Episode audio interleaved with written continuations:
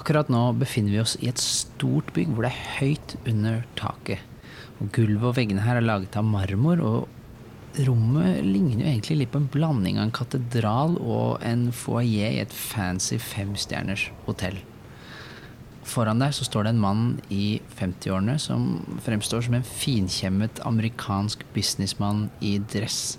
Han har den ene hånda sånn casually plassert i lomma og ser rett på deg. You've probably heard of Scientology.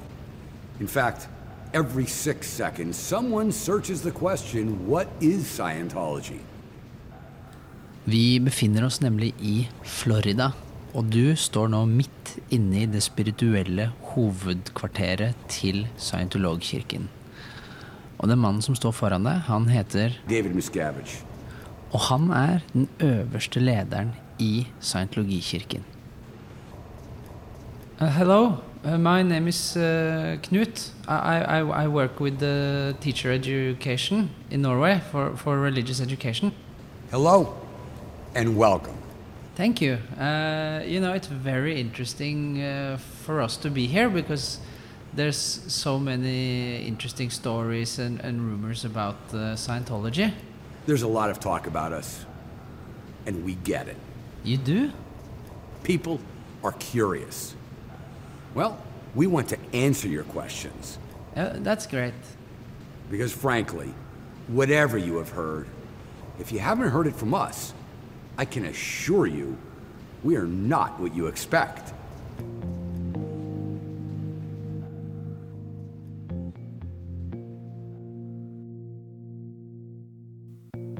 Kjære lytter, i dag har jeg en helt spesiell episode som jeg har gleda meg veldig til.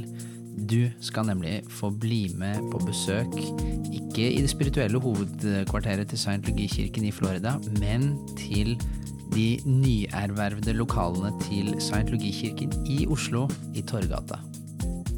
Og hvis du kjenner til noe om scientologi og scientologikirken, så er nok sjansen veldig stor for at det har å gjøre med en del av de kontroversene som de er blitt assosiert med, om det har med maktmisbruk, pengemisbruk, tvilsomme metoder, og ikke minst alle kjendisene som har blitt tiltrukket av scientologien, ikke minst av Tom Cruise og John Travolta. Mediene her hjemme i Norge og i utlandet har gitt de masse oppmerksomhet. AC360, CNN weeknights 10 Eastern. We've been reporting on allegations of physical abuse inside the Church of Scientology. The allegations been made by for den religiøse bevegelsen scientologi.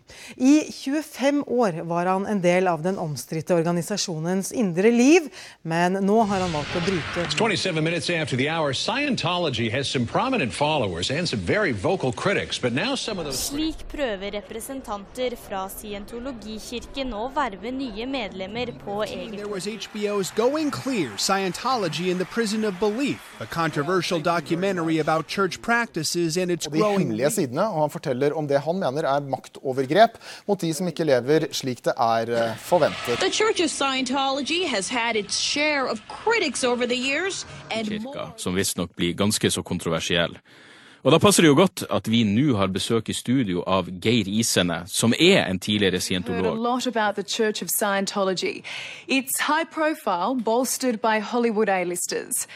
But what goes on behind the walls of this religion isn't always glamorous. Og som om ikke det var nok, så har tidligere medlemmer som har gått ut, kommet og fortalt om en hemmelig lære knyttet til usynlige romvesener som er fanget i kroppen vår. told, oh. Oh, yeah? So why is Tom Cruise paying a thousand bucks to have invisible aliens pulled out of his body? Men istedenfor å fortelle en av de historiene der som du kan finne tusenvis av versjoner av på nett i diverse dokumentarer tilgjengelig via NRK, HBO, Netflix og vet ikke hva, så skal vi gjøre noe mye mer kontroversielt. Vi skal få et innenfra-perspektiv på scientologien. Vi skal altså forsøke å se og kjenne litt på hvordan scientologien ser ut fra en scientologs perspektiv. Kanskje kan vi greie å skjønne litt mer av hvordan og hvorfor folk blir tiltrukket av denne religionen. Så får vi se, da, om David Miscavige har rett i at uh, I can assure you We are not what you expect.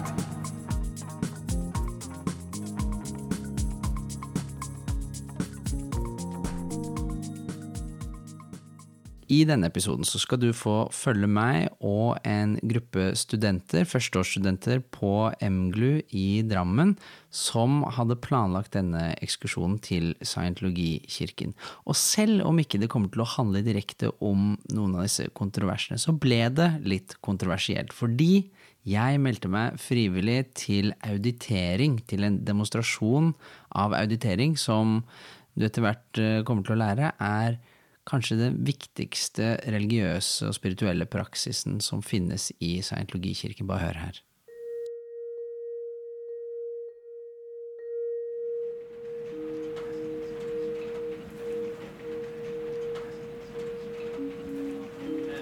Ja, Da vil jeg be deg lukke øynene. For, det er bare for at konsentrasjonen skal være god. da. Ok, Så da vil jeg at du skal gå og finne en gang da du var stolt av deg selv.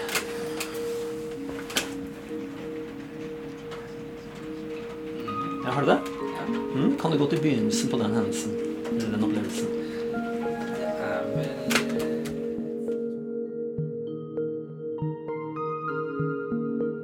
Du hører på KRLE-podden.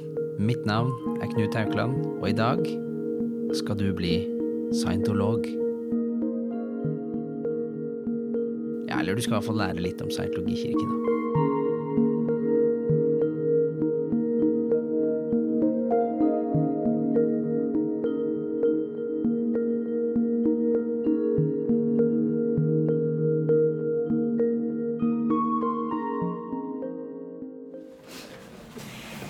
Altså, jeg heter Knut Jørgen Plesner.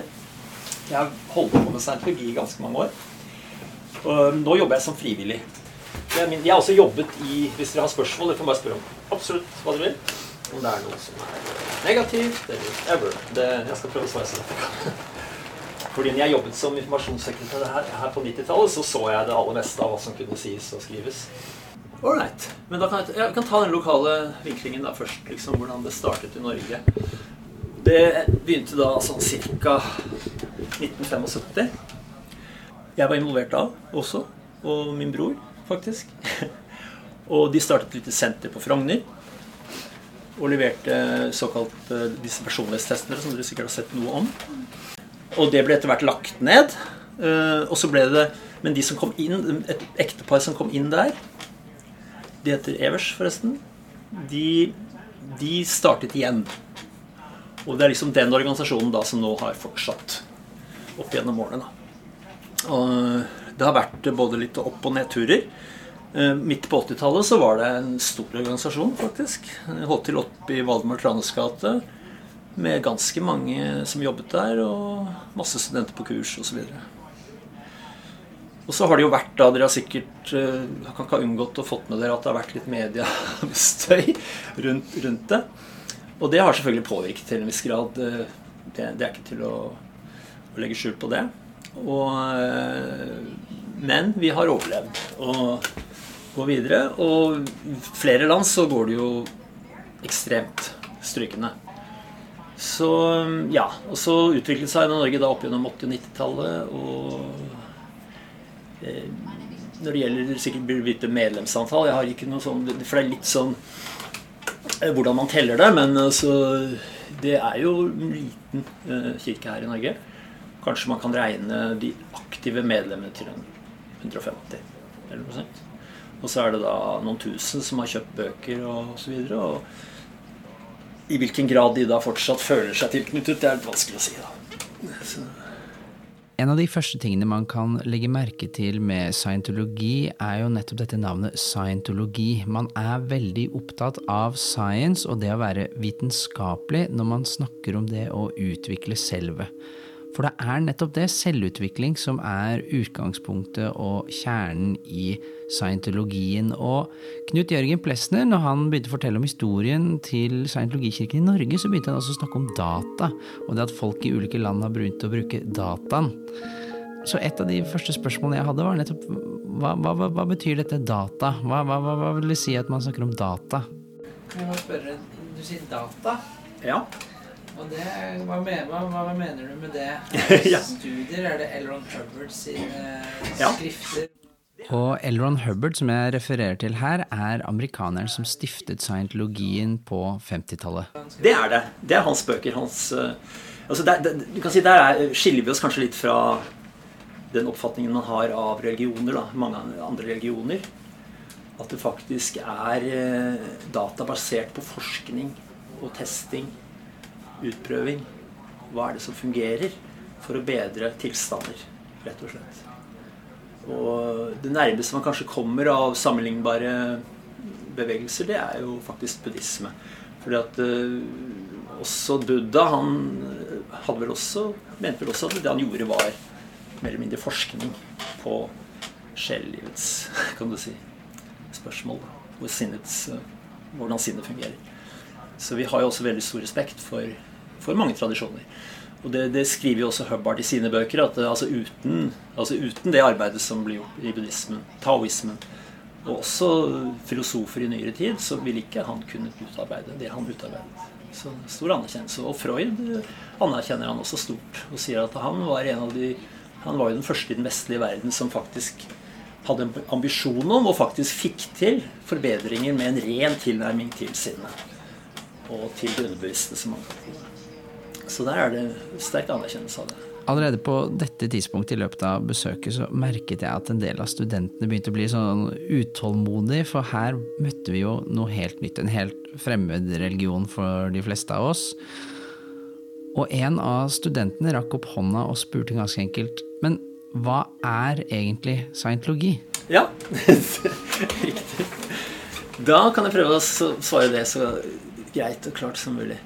Altså, det er jo Det er en anvendt det er en anvendt religiøs filosofi. Altså religiøs i den forstand at vi beskjeftiger oss med de såkalt endelige spørsmål. Med hensyn til eh, hvor vi kommer fra, hvor vi går hen, hvem vi virkelig er, ikke minst. Og øh, Ja, rett og slett. Og det er øh, Og det som da Hubbard øh, Hvordan det begynte, var jo da med at han forsket Altså, han begynte jo allerede på 30-tallet, øh, for alvor, kan du si. Og forsket på, Altså som Kan ta det litt sånn biografisk med han. Her begynner da Knut Jørgen å fortelle om Elron Hubbard, som reiste rundt i Asia på 1930-tallet og bl.a. møtte buddhistiske munker. Og, og han oppdaget at det var en enorm visdom i den tradisjonen, men samtidig også en bunnløs nød. Og så, i 1938, så har han en opplevelse hvor han oppdager et helt grunnleggende prinsipp. Nemlig at alt som lever, strever for å overleve, opprettholde seg selv. Og denne oppdagelsen og andre gjør at han da etter hvert publiserer en bok i 1950 som fikk en del oppmerksomhet, som het Dianetikk. Og da startet det hele. For da var det folk som bare begynte å bruke den. Samles på universiteter, på arbeidsplasser osv. Brukte den og fikk resultater. Positive resultater. Og da ble gruppene liksom spontant dannet rundt omkring da, i USA på grunnlag av det. Altså den oppdagelsen han gjorde, det var noe som Freud absolutt var inne på. Eh, vi kaller ikke det ubevisste. Han kaller det det reaktive sinnet. Og for å ta det veldig sånn grovt Du må stoppe meg hvis det er noe som er ikke merkverdig eller uforståelig. Men altså det, det reaktive sinnet, det er rett og slett den delen av sinnet som vi ikke har kontroll over. Og grunnbestanddelen i den delen av sinnet, det er rett og slett opplevelser som inneholder bevisstløshet, smerte. Altså Hvis du har hatt en operasjon som barn, du husker ikke den operasjonen. Men alle data fra den operasjonen ligger lagret i sinnet ditt. Alt som ble sagt, alle lukter, alle lyder, alt ligger ned til minste detalj lagret. Og det er da grunnbestanddelen i det reaktive sinnet. Og det han da fant ut, er at det er det sinnet som er eh, skurken i historien. Rett og slett. Og som gjør at mennesker blir tvunget Nærmest. Ja, ikke nærmest, men de blir tvunget til å gjøre irrasjonelle handlinger. Selvdestruktive handlinger. Og på en måte Det er det da som diantikk handler om. Det er den delen av sinnet og hvordan den påvirker personer til å begå irrasjonelle handlinger. Som ikke tjener personens overlevelse og ikke tjener andres overlevelse. Fordi vi grunnleggende sett er ganske fantastiske og gode. Det er også en grunnprinsipp i scientologi at vi er vi, vi, gjør, vi er faktisk veldig flinke til å gjøre de riktige tingene så sant vi har riktige data. Men det sinnet da, der, det sitter med masse foreldede, helt irrelevante data som kobles inn, og som gjør at du da gjør feil beslutninger. Som kan være det selvdestruktive. Eller destruktive for andre. Da. Så det, det er slik scientologi startet, men det startet da med et annet navn, dianetikk. Og diantikk, det er gresk eh, dianos gjennom sinnet, betyr det. Og dette er da håndbok som har masse interessant, veldig interessant teori eh, i begynnelsen. Og så halve boka er hvordan du bruker dette i praksis. Hvordan du kan sette deg ned med en venn. Altså, det er mange som har gjort det. Kun lest den boka. Ikke hatt noe forbindelse med oss i det hele tatt. Bare lest boka nøye og satt seg ned med en kamerat og brukt den, faktisk. Og det syns jeg er veldig kult. Det håper jeg du flere kan gjøre. Der har vi det altså. Begynnelsen på scientologien og en helt sånn sentral lære i scientologikirken. Altså det å bearbeide gamle, vanskelige minner som ligger i det reaktive sinnet og på en eller annen måte begrenser vår handlefrihet. Så da kan man jo spørre seg da, hva er det egentlig som skiller dianetikk fra terapi? Eller som en av studentene spurte, hvordan skiller dette seg fra vanlig traumebehandling? Egentlig For meg høres litt ut som terapi. egentlig. Det er jo det. Det er jo det, men, det, men altså, det er ikke terapi for det, det, Jo da, det er en terapiform. Altså, det er mye av samme, samme målsetting. Det er bare det at scientologi og diantikk eh, spesifikt Vi går ikke etter å helbrede sykdommer eller mentale forstyrrelser. Eh, altså De som har den type forstyrrelser, og spesielt altså, hvis de er for hos en psykolog, så må de gjøre seg ferdig der, for å si det sånn. Altså, vi, vi konkurrerer ikke med psykologer. Og diantetikk er ikke for eh, ja, for syke mennesker, kan du si. da.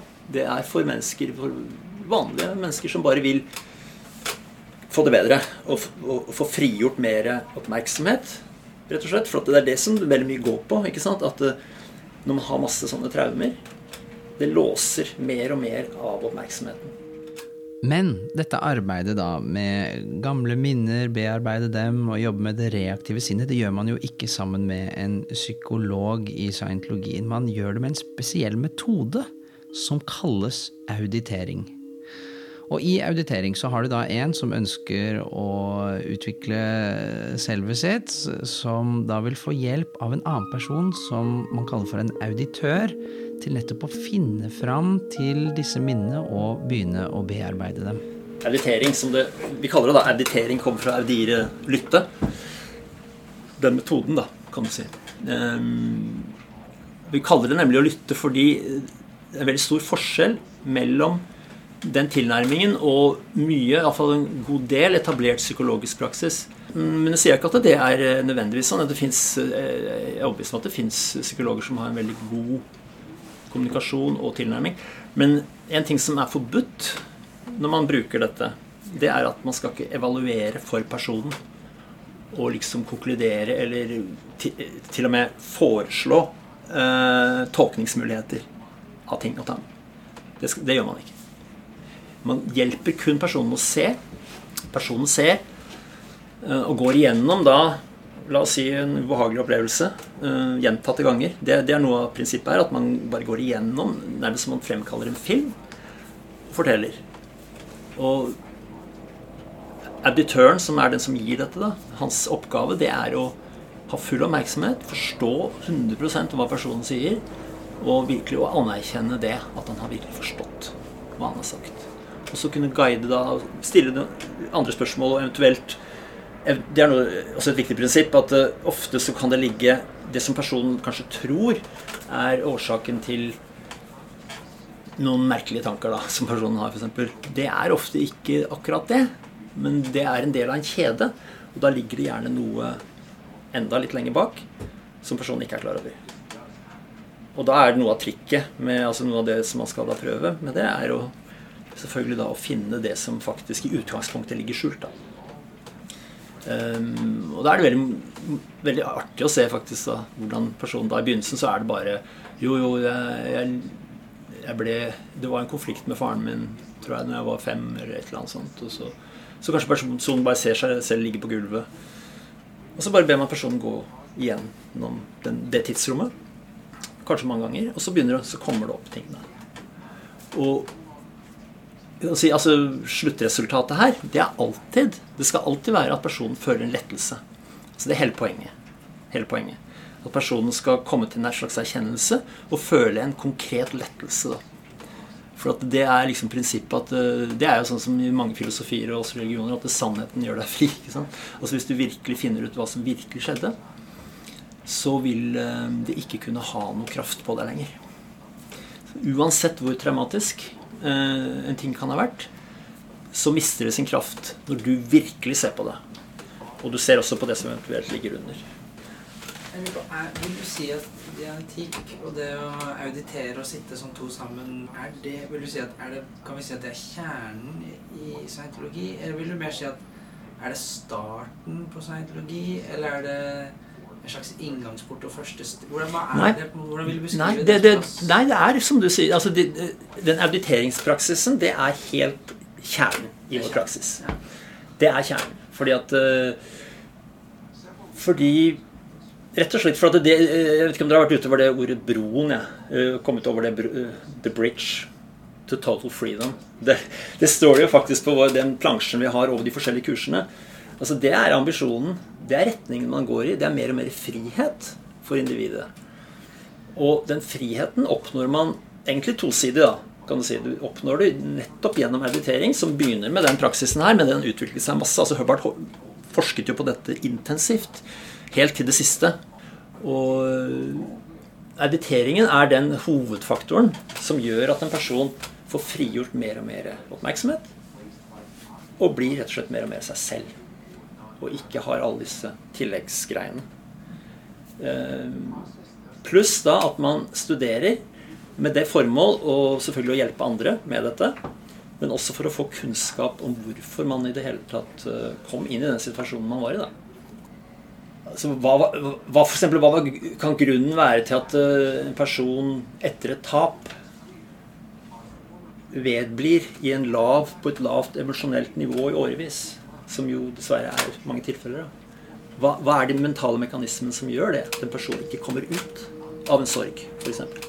Det som er litt spennende her, det er at man i scientologien har utviklet et eget eh, apparat. Altså en, en teknologi som man kan bruke i auditering, som kalles et e-meter.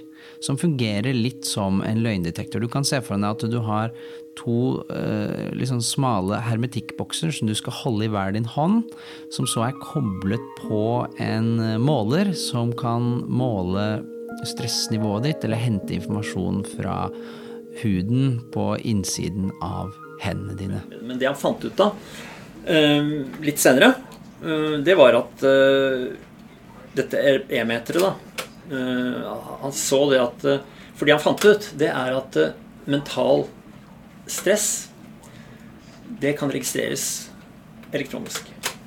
Rett og slett. For det er en energi der som faktisk er målbar hvis du har et veldig ømfintlig, veldig fintfølende apparat. Så da, da kontaktet han noen av de beste instrumentmakerne i England, faktisk. Sa dette er problemet. Kan dere finne en løsning?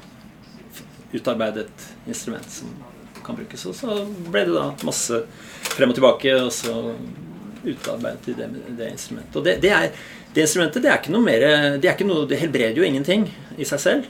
Det er kun som et kompass. Som rett og slett eh, eh registrerer altså hvor ligger det ladning. Altså mental energi. Ladning, kan du si. Og så bruker man det da til å For det effektiviserer eh, tilnærmingen veldig. For da slipper man å sitte i ti timer med fri assosiasjon. Men man kan heller gå direkte på. Mye mer direkte på det. Mm. Yes. Har dere, har dere sånn e-meter? Jeg har alltid hatt lyst til å se ja, sånn e-meter. Der er det. Der er det. Du kan ta på det også. Du kan til og med holde i kannene der. Nå er ikke jeg, nå er ikke jeg fullt utdannet til å, til å betjene det. Så nå skal jeg bare vise Sitte på en måte da. Så her har man da Her har du nøytral posisjon. Og du vil da sitte og få editering. Og så vil jeg da f.eks. i moderne editering så vil du kanskje ha en liste med spørsmål. For å finne ut hva er det som er hovedproblemet. Så bare stiller man spørsmål, masse spørsmål, så ser man på nåla. Men hvis du f.eks. tenker på en gang da La oss si For ikke å være for personlig, da, men altså et eller annet skjedde da som du ble lei deg over. Hvis du tar, tenker på det, så vil, da vil du antagelig kunne se et utslag her. Ja. Sånn er det. Jeg lurer på at Du nevnte at når eh, dere har hatt besøk fra ungdomsskolen Ja. kanskje videregående, jeg vet ikke, Ja. så har du hatt en sånn en mild versjon av auditering som du Ja. Altså en sånn demonstrasjon. Jeg syns det var veldig spennende om vi kunne og, og, Jeg vet ikke om jeg Ja, jo, altså eh, Kanskje. Ja. Eh, Men nå har jeg ikke noe Ja. Altså, det, det, det er egentlig veldig udramatisk. Altså, veldig, det, er, det, er kanskje, altså, det det går ut på, det er rett og slett at eh, når man begynner med dette altså, Da kunne man tro det at la oss en person kommer og er interessert og har kanskje opplevd noe veldig traumatisk. Du vil aldri gå rett inn i den traumen. Det er én ting. Og det er noe jeg vil vise, kan vise da i en demonstrasjon. At det, fordi det vil man aldri gjøre. Og derfor så begynner man på et mye, mye lettere nivå, hvor personen rett og slett Jeg får personen da vil få personen da til å finne faktisk positive, lykkelige opplevelser i livet. Så den demonstrasjonen var eventuelt være det. Sånn, det var den demonstrasjonen jeg ga da, den gangen. Hvor jeg rett og slett bare ber personen å gå tilbake til en eh, til en lykkelig eh, erfaring. Men du gjorde det med, med Nei, med en av de som jobbet uh, på senteret. Ikke en av barna, nei. Nei. Eller ungdommene, da. De var ikke så, de var ikke så små.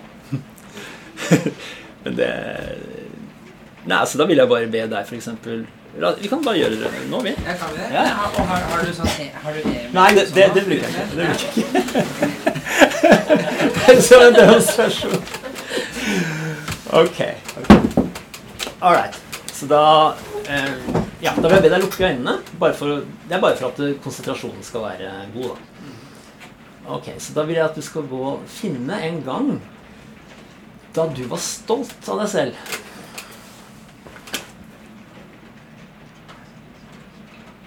Ja, har du det?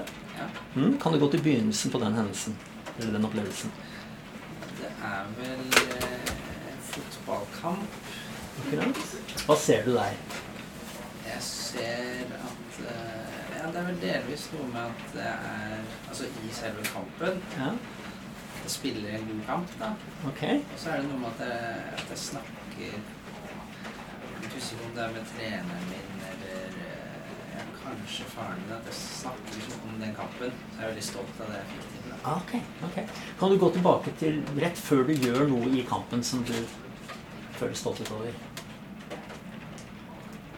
Noe før kampen. Nei, altså, nei, før det skjer. Bare går akkurat, eller, akkurat når det skjer, at du gjør noe som du eh, i kampen som du er stolt av. Mm. Kan du se, hva, hva ser du der? Eh, da er jeg vel veldig sånn konsentrert, tenker jeg. Ja. Så jeg er jo, dette er jo i en fotballkamp, så jeg har vel full oppmerksomhet på det som skjer på banen, og Ja, ja. hvor med og motspillere er. Ja, kan, du se, kan du si litt hva du faktisk konkret ser der? Ja, det er jo en, holdt si, en, et, en uoversiktlig scene med masse barn, da. Ah. For det er vel kan, syv stykker på hvert lag, da, sikkert. Ja. Så, og så har vi på oss drakter da, i forskjellige farger, så vi har grønne drakter. Og så Aha. tror jeg de har hvite og røde drakter. Ja, ok. Ok. Altså, bare gå videre derfra, og så gå gjennom det som du syns er fint, positivt som skjer der. Ja, og så er det vel Jeg husker vel er vel at vi er vel ganske overlegne. Okay. Men og det, også Vi scorer mye mål. Mhm. Og det, men det som jeg liksom blir stolt av, er at jeg greier liksom å kombinere det å sentre og drible på riktig sted. Da. Ikke sant? Noen prøver å drible veldig mye, men jeg greier også å sentre. Det. Ok. Det er det jeg liksom er stolt av, at jeg greier å få til det. Okay. Og, få, og så skåra jeg også et par mål, og det tror jeg ikke jeg gjorde så mye. Da. Ok, ja. Det er, Ok. Få se, kan du se en av de målene for deg der? Jeg tror det, det er en heading eh, av noe slag. Mm -hmm. okay. Hvordan føles det? Veldig godt. Ja, bra. Det er veldig godt å ja, få skåre mål. Ja, Ok, alright. Ok, ok, nå kan du komme til nåtid. Ja. Er du i nåtid nå? Nå er jeg i nåtid. Ja, det er bra. ok. Det er bare sånn. Men altså, det, det, ikke sant? prinsippet er at man går og får sanseinntrykk, da. Så mange som mulig. Ikke sant? Ja. Og få personen til faktisk å være der. Ikke bare si 'ja, jeg husker'. Jo, det også kan være fint, altså. Men, men poenget med akkurat den met- tilnærmingen der er at du faktisk er der og går igjennom gang på gang. Mm. Så, jeg, så med den opplevelsen der så ville jeg kanskje mm, gått igjennom kanskje to-tre ganger. Ja. Og så, ja. og så kan man finne flere. Mm. Og da vil ja, da kan eh, holdningen til personen og det emosjonelle nivået kan du si, vil, kan endre seg en del. Hvis man gjør det en god del.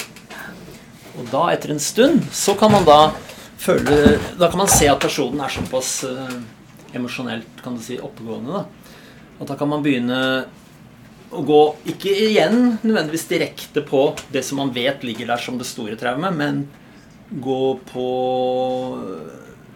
litt mindre Altså mildt ubehagelige ting, da, kan du si. Og gjerne også eh, tap. For at tap det er noe av det som er beskrevet i boken, det er noe av det som er mest egnet til å bringe en person emosjonelt ned. Og når man da kommer til eh, noe som er vanskelig, da, et Mhm. tap f.eks., hvordan vil man da jobbe med det? Kommer man da plutselig inn i kurs og sånn igjen, eller er det via auditeringen og i samtale? Jo, altså det, det, det, her skjer alltid i en auditeringssession, som det heter. da, ikke sant? Du går i session, og det er med lukkede dører. Ikke forstyrr på døren, osv. Da sitter man, da er det kun konfidensielt mellom deg og personen. Den som gir den, den auditeringen. da. Mm. Og et sånt tap, ty typisk nok, det er sånn som man ofte går gjennom mange, mange ganger. For å liksom få ut alt som måtte ligge der, da. Mm. Ja, for når, får man, liksom, når kommer man videre? da? Er det noen metode for det å på en måte nå At man blir, føler seg ferdig med traume? Eller noe Ja. Det, det, man ser det altså rett og slett uh, emosjonelt. At man, at man får det bedre og bedre. Og du, du vil føle en veldig lettelse ofte. Da. Du vil ofte gråte. Det kan ofte være en undertrykt gråt som da kommer frem, og det er veldig positivt i, i den sammenhengen. At man faktisk får den gråten ut. da. Og, og hele tiden er jo da kriteriet det at personen skal føle seg bedre. Lettere. Og føle en lettelse. Og gjerne, gjerne kommer til en slags erkjennelse. Og da, og da kan gå videre, da, kan du si. Mm. I livet. Eller med mer auditering, selvfølgelig. Som, men det i seg selv er jo et verdifullt resultat. Da, som, eh, som har absolutt sin verdi i seg selv. Og det er liksom noe Man sier ikke sant, man har den, disse trinnene. Liksom er det, tar det aldri slutt? eh, Kanskje noen som har, har den ideen. Da. Men altså, hvert trinn har sin egen verdi. Da. Og, og det er jo mange der ute som har kommet, gjort noen ting, og så, ja, så går de ut og lever livet i noen år, for å si det sånn. Men føler at de har eh, allikevel oppnådd mye, da. Mm. kan du si. Hvordan blir man auditør? Da leser man eh, bøker, og man gjør kurs. Det er veldig strukturerte kurs for å bli eh, auditør på forskjellige nivåer. Da. Mm. Det er det. Så, Mm. så det var det. Ja. Mm. Fikk, følte du fikk en viss idé? om- Ja, ja, jeg, jeg fikk det. okay, det er greit. Det var jo veldig sånn uformelt. Dette her, da. Men det, var, det er prinsippet. Altså. Det, det er sånn jeg gjør det. da, kan du si. Jeg hadde flere gode diskusjoner med studentene om akkurat den eh, seansen her, knytta til eh, involvering, eh, grensene i faget, varsomhet ved arbeidsmetoder, og også det at noen sånne demonstrasjoner som denne kan bli litt ubehagelig for de som eh, ser på, nettopp fordi det er så personlig.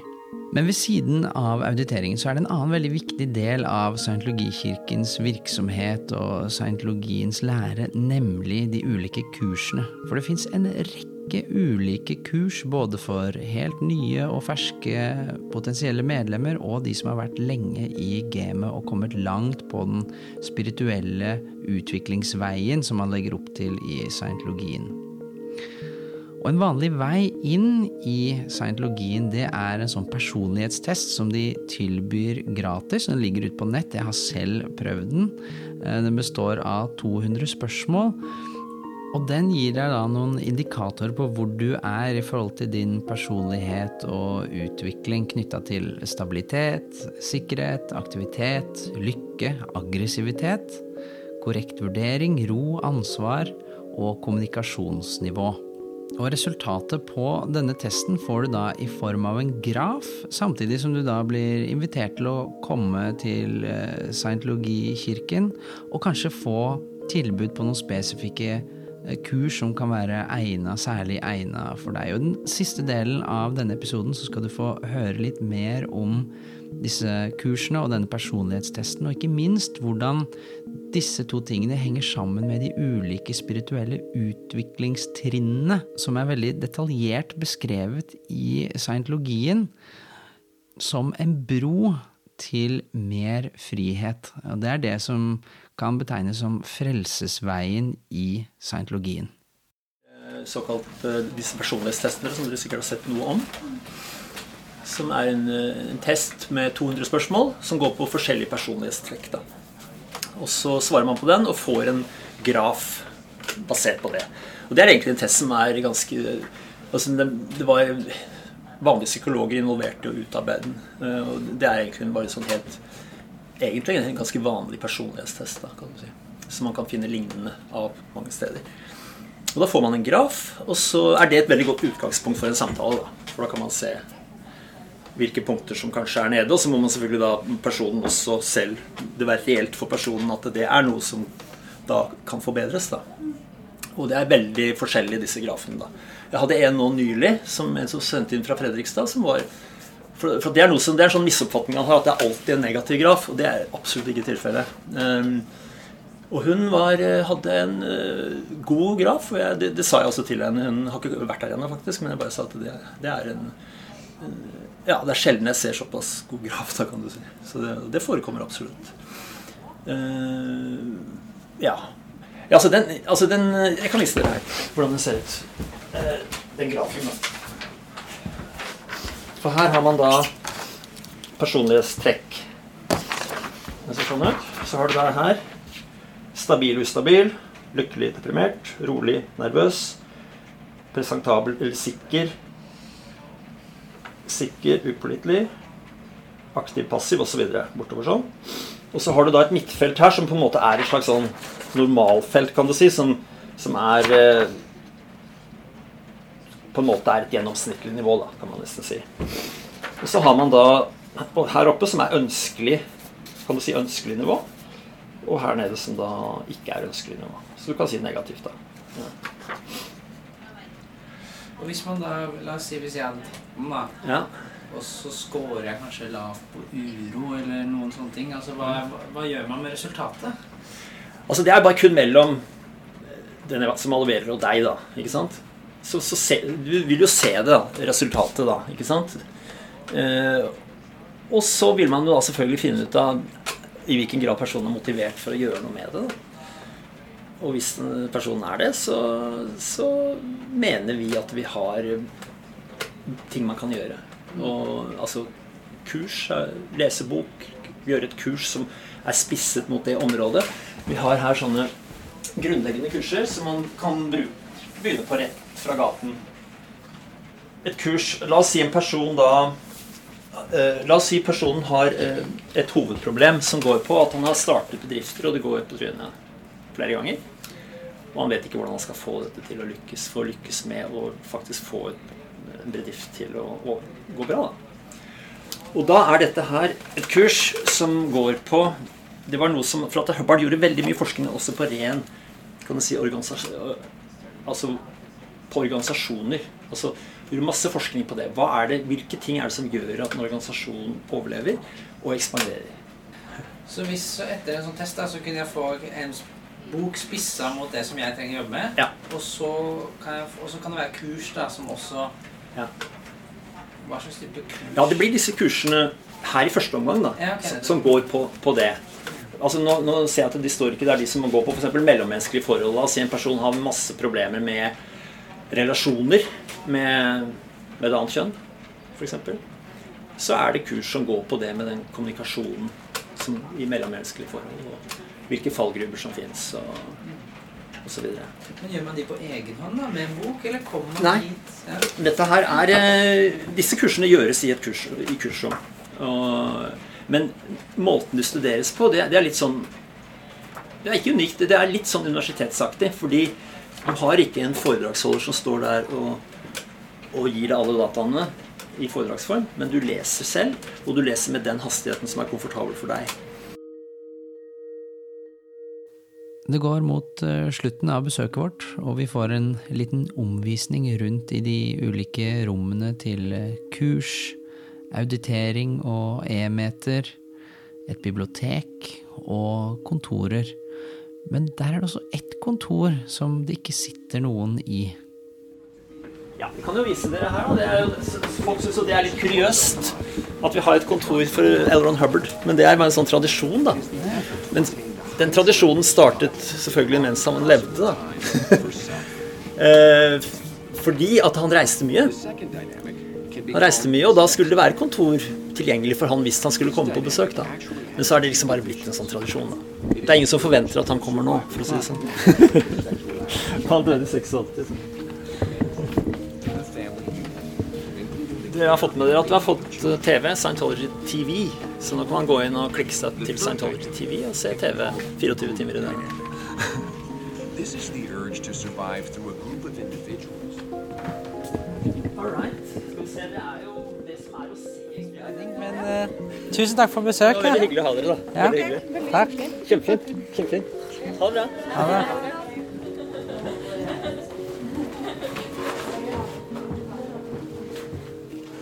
Og med det forlater studentene og jeg Scientologikirken og går ut i Oslos gater.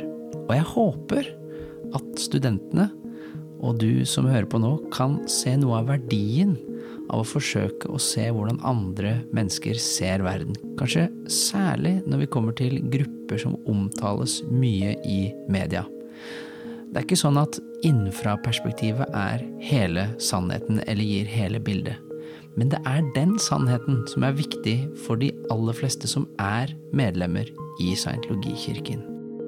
Og jeg tror det er nettopp denne siden ved religionsvitenskapen og religionsfaget som har en særlig overføringsverdi til KRLE-faget. Evnen til å empatisk leve seg inn i andres verdener. Evnen til å lytte og forstå hvordan andre ser på den samme verden som du lever i, uansett hvor forskjellig det måtte være.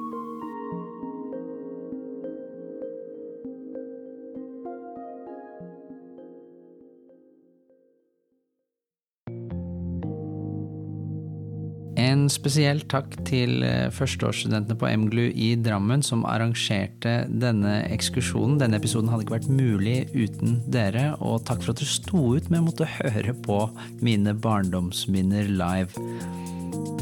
En spesiell takk også til Knut Jørgen Plesner som satte av tid og tok oss imot i Scientologikirken i Oslo. Bakgrunnsmusikken har vært av eh, Lee Roseware. Mitt navn er Knut Aukland. Vi snakkes. thank you